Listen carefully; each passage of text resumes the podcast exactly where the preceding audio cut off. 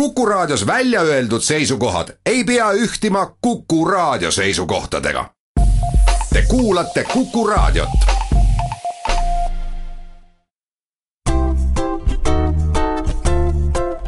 patsiendiminutid, Patsiendiminutid toob teieni Eesti Patsientide Liit tere, head Kuku raadio kuulajad, eetris on Patsiendiminutid ja saadet juhib Kadri Tammepuu. olen täna endale seltsiks palunud Eesti Perearstide Seltsi esinaise, doktor Diana Ingeraineni, tere! tervist! kes täna oma perearstiga kohtub, võiks talle kõigepealt head perearstide päeva soovida. nii et Diana, palun võta vastu patsientide soojad tervitused kõikidele perearstidele. suured tänud, annan edasi paljude jaoks on perearstist tänaseks kujunenud tema tervisenõuandja number üks. samas ei ole ju see amet eriti vana, sellepärast et nõukogude ajal mäletame me kõik veel jaoskonnaarste. millal ja miks perearsti eriala sündis?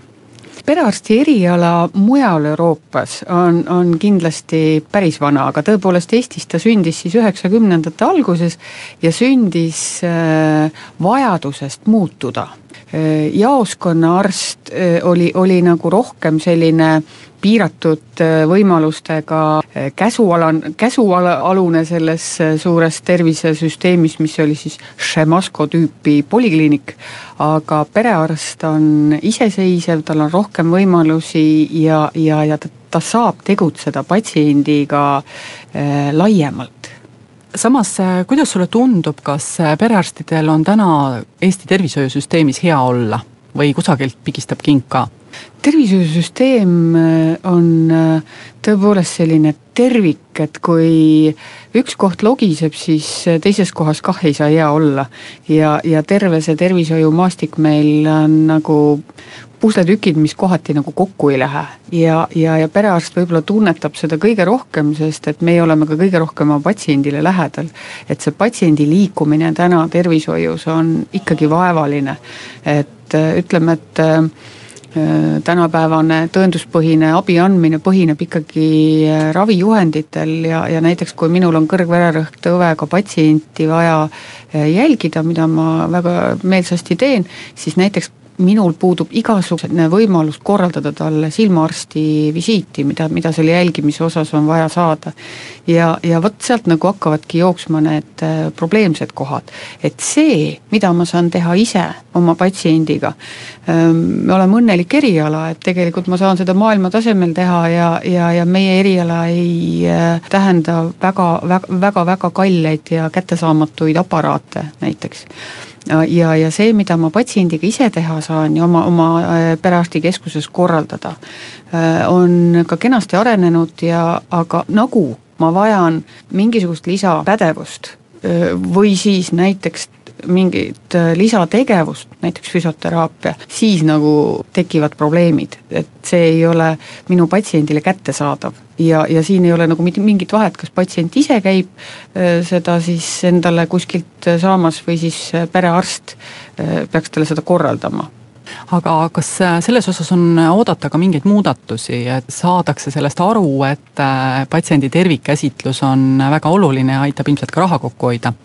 Ega ma ei oska nii täpselt öelda, et äh, meid on võib-olla viimase viie aasta jooksul meeletult analüüsitud, küll Maailma Terviseorganisatsiooni poolt ja ja, ja Maailmapanga poolt äh, Haigekassa tellis ühe väga põhjaliku analüüsi ja kõik nad teevad Eestile ettepanekuid, et tehke muudatused, tehke muudatused, et esmatasandil saaks rohkem asju ära teha ja, ja, ja haigla tasandile jõuaks tõesti need asjad, mida haigla tasand nõuab, et meil on praegu väga palju haigla tasandil välditavaid visiite.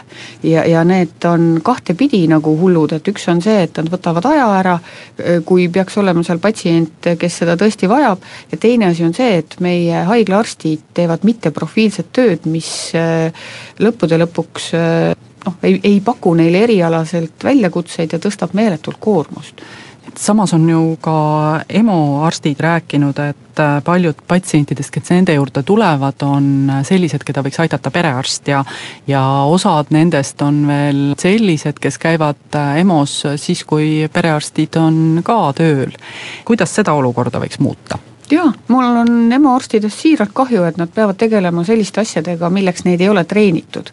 Nad ei eh, saa kindlasti tegeleda krooniliste haigete jälgimisega või siis haiguste ennetamisega või siis eh, häirete diagnoosimise või nõustamisega. Nad on koolitatud selleks, et nad ägedaid situatsioone saaks lahendada.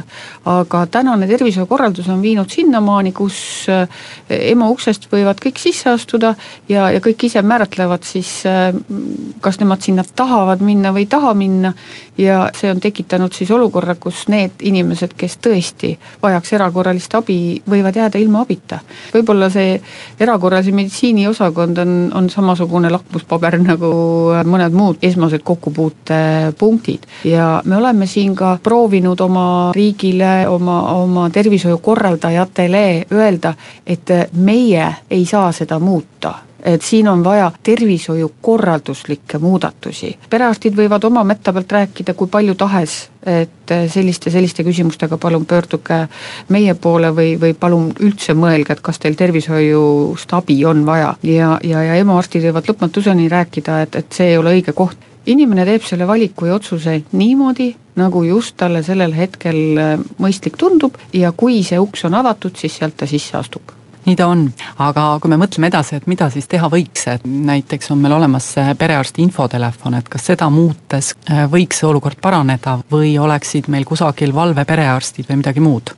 Eesti Perearsti Selts on teinud äh, ise ka mitmeid uuringuid ja see perearsti töö ajal siis see pöördumiste arv on kõige suurem erakorraliste meditsiiniosakondadesse. et, et tegelikult äh, me peame tõsiselt mõtlema, et kas meil on vaja valveperearste või meil on vaja oma patsientidele selgitada, et ta peabki selle probleemiga perearsti töö ajal pöörduma perearsti juurde. et äh, meie oleme koostöös siis erakorralise meditsiini osakonna arstidega teinud juhendi, et millised need seisundid on, millal peaks minema perearsti juurde ja millal peaks minema erakorralise meditsiini osakonda või, või, või siis kutsuma hoopistükkis kiirabi. ja, ja seda juhendit me oleme praegu veel kooskõlastamas kõikide haiglatega ja omalt poolt nagu pakume siis sellist äh, tuge või, või rahvale siis selgitusi, et mis need seisundid täpsemalt on. aga ma ise usun, et kui jääb see erakorralise meditsiini osakond niivõrd kättesaadavaks, nagu ta täna on, siis inimene teeb oma otsused nii-öelda oma ihule lähedalt ja see on täiesti loomulik, ma arvan, et ka mina emana ja, ja mõne inimese sugulasena võin, võin käituda eba, ebaratsionaalselt ja pigem emotsioonidest juhinduvalt. et et äh, Eesti Perearsti Selts on pakkunud siin üsna nagu radikaalseid äh, variante, et siis, kui ikkagi erakorraline situatsioon ei ole, et siis tuleks äh, kehtestada omaosalus erakorralise meditsiini osakondades. et seal peab tekkima mingi konkreetne patsiendi tunnetus, et, et mis siis sellest juhtub, kui ta teeb selle valiku või siis selle valiku. aga hetkeseisuga tuleb tunnistada, et see teadlikkuse tõstmine siis mm, Sotsiaalministeeriumi poolt ei ole kuigi agar olnud ja, ja nüüd need viimased sõnumid, näiteks Ekspressis äh, esitatud artiklid, on pigem pigem tekitanud minu väga haigetes inimestes nagu äh, segadust ja nad ei julge tõepoolest oma valudega ja oma kriitiliste seisunditega enam EMO-desse pöörduda. ometi on nemad sinna teretulnud, et, et pigem on küsimus kolmekümne kuni neljakümne aastastes inimestes, kes ei oma erakorralist situatsiooni.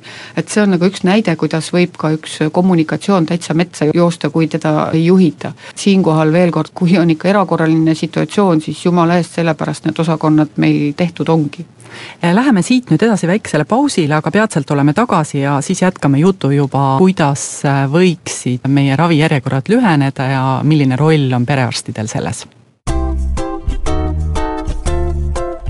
patsiendiminutid. patsiendiminutid toob teieni Eesti Patsientide Liit oleme pausilt tagasi ja te kuulate Patsiendiminuteid. stuudios on perearst Diana Ingerainen ja saadet juhib Kadri Tammepuu. enne pausi me rääkisime natukene sellest, mida võiks teha siis selles olukorras, kus need inimesed, kes EMO-sse lähevad, aga neil ei ole kindlaid EMO haigusnähtusid, nad võiksid tegelikult minna perearsti juurde ja siit me saame sujuvalt edasi minna tegelikult sellele teemale, et ähm, üleüldse ju eriarstiabis on küllalt pikad järjekorrad. minu meelest üks äh, oluline muudatus, ähm, mida püütakse ellu viia, on e-konsultatsiooni teenus. Äh, see tähendab siis äh, täpsemalt, Diana, mida? see tähendab seda, et perearst saab konsulteerida patsiendi osas siis tervise infosüsteemi vahendusel. aga mm, natukene üks samm tagasi astudes, et selleks, et kaardistada patsiendi tervisevajadusi, on äh, nii perearstidel kui haiglaarstidel kõikidel juhised samad ja diagnostikameetodid on samad. Ja võib-olla, et kui sa küsiks mu käest, et, et mis see päris suur muudatus peaks olema, et siis avardada perearstide võimalusi, kas just päris sarnaseks, nagu nad EMO-arstidel on, aga, aga kindlasti need esmavajalikud uuringud, et me saaksime ikkagi mõistliku aja jooksul need kätte ja ja, ja oma patsientidele õiged diagnoosid pandud. täna me oleme situatsioonis, kus äh, haiglatel on tekkinud väga tugev diagnostikabaas ja, ja, ja perearstidel on see väga nõrk, aga samas haiglad ei ole kohustatud perearstidele mitte mingeid uuringuid äh, müüma ja ja, ja nad arvestavad uuringuid tehes ikkagi nii-öelda haigla patsientidega. ja nüüd, et kui perearst vajab mingit uuringut äh, kiiremini kui nädal või, või, või siis rohkem, siis on see päris keeruline ja, ja nüüd eh, noh, ega inimesed rumalad ei ole, nad ju teavad, et need asjad nad saavad EMO-s tunni aja jooksul, mis perearst suudab neile korraldada jumal teab mis kahe nädala jooksul. et esimene küsimus on see, et vaadata, et esmased vajadused selleks, et inimeste tervist uurida, oleks, oleks siis tagatud eh, perearstidele. ja, ja nüüd, kui perearst on selle terviseseisundi eh, kindlaks teinud ja leidnud, et tal on vaja eriarsti arvamust siia juurde, siis on võimalik koostada digitaalne saatekiri ja, ja see siis tervise infosüsteemi vahendusel saata kolleegile ja kolleegil on nüüd äh, mitu võimalust, et üks on see, et ta saabki anda perearstile nõu ja, ja perearst saab selle alusel edasi tegeleda oma patsiendiga, või siis teine variant on, et haiglas vaadatakse, et see situatsioon on selline, et, et see nõuab teistsugust lähenemist ja võetakse nii-öelda patsient üle e-konsultatsiooni kõige suurem trump on see, et patsient ei jää selle vastutuskoormaga kahe süsteemi vahele. et vastutus kandub perearstilt haiglaarstile ja vastupidi. patsient ei pea seal kuskil maa ja taeva vahel ise vaatama, et kus ta selle järgmise koha leiab samas ka nõuab e-konsultatsioon perearstidelt rohkem aega ja ka uusi vahendeid selleks, et uuringuid teha. kas täna need asjad on süsteemis olemas? Ei ole, tervisesüsteem on ikkagi haiglakeskne ja kõik kõik, mis haiglad on loonud, et nad on loonud enda vajadustest lähtuvalt. ja loomulikult nad ei mõtle selle peale, et, et kuidas perearst need uuringud kätte saab. aga tõepoolest selleks, et korrektselt äh, patsienti käsitleda, siis äh, on neid äh, uuringuid vaja perearstile täpselt samamoodi kui haiglaarstile. kui nüüd perearst saadab selle pooluuritud patsiendi või siis uurimata patsiendi haiglaarstile, esiteks on seal järjekorrad ja kindlasti need diagnoosid võivad hilineda suuremad haiglad Eestis on äh, ka teada andnud, et nad lõpetavad pabersaatekirjade vastuvõtmise, et siin sai natukene räägitud ka, et e-konsultatsiooni aluseks ongi digisaatekiri. kuidas perearstid äh, selle muudatuse vastu võtavad? perearstid on seda muudatust ise unistanud ja oodanud ja, ja selle nimel tegutsenud aastaid, et tõepoolest kõik perearstid saavad siis äh, digitaalseid saatekirju väljastada, et see on, ma arvan, et sama, sama oluline tiigrihüpe meie, meie maastikul, nagu oli digiretsept, aga siin on natukene see situatsioon on keerulisem ja, ja, ja me läheme etapiti. ja esimene etapp on õnneks nüüd äh, toimunud, et kõik perearstid siis saavad digitaalselt saatekirju väljastada ka ambulatoorseks vastuvõtuks, mitte ainult e-konsultatsiooniks, et tegelikult meie jaoks see algus on üks ja sama. et saatekiri on sisuline dokument, millega üks arst küsib teise arsti käest nõu.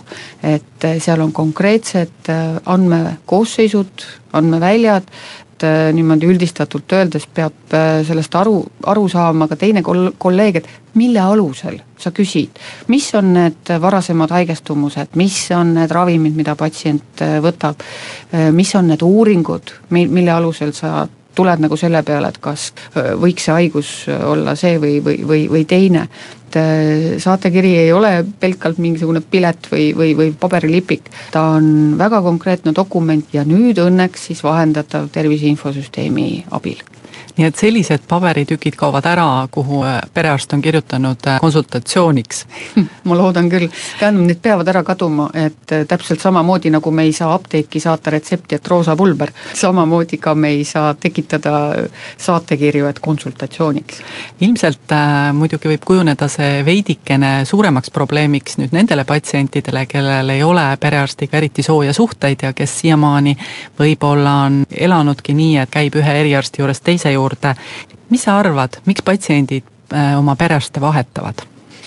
seda on natukene uuritud ja on teatud protsent ühiskonnast, kes on alati rahulolematud, et arvatakse, et noh, meie, meie riigis ta kuskil niisugune kümne protsendi juures on ja tõenäoliselt alates isikust tulenevate küsimuste ja nii edasi, et, et nad otsivad ja, ja vaatavad kindlasti on äh, üks osa patsiente, kes ongi täitsa objektiivsetel põhjustel äh, rahulolematud, et nad ei ole abi saanud. ja, ja siis nad otsivad endale uue perearsti. kuna perearst on nii lähedane noh, isik ikkagi tervisele, et võib-olla siin ka, kui ei, ei sobi see suhtlemine ja no ei õnnestu, et siis äh, toimub perearsti vahetus. toimub ka sellistel kurvematel põhjustel, et kui perearst näiteks hindab ära terviseseisundi ja ütleb, et inimene ei sobi mootorsõidukit juhtima, siis toimub solvumise moment ja otsitakse nagu uus perearst. Õnneks nüüd ka need äh, andmed on kõik äh, tsentraalselt olemas ja loodetavasti meie teedel ikkagi on vähem ja vähem tervisehäiretega inimesi, kes on ohtlikud. Ja ma tahaksin lõpetuseks veel küsida, et kuidas äh, teie selts perearstide päeva tähistab?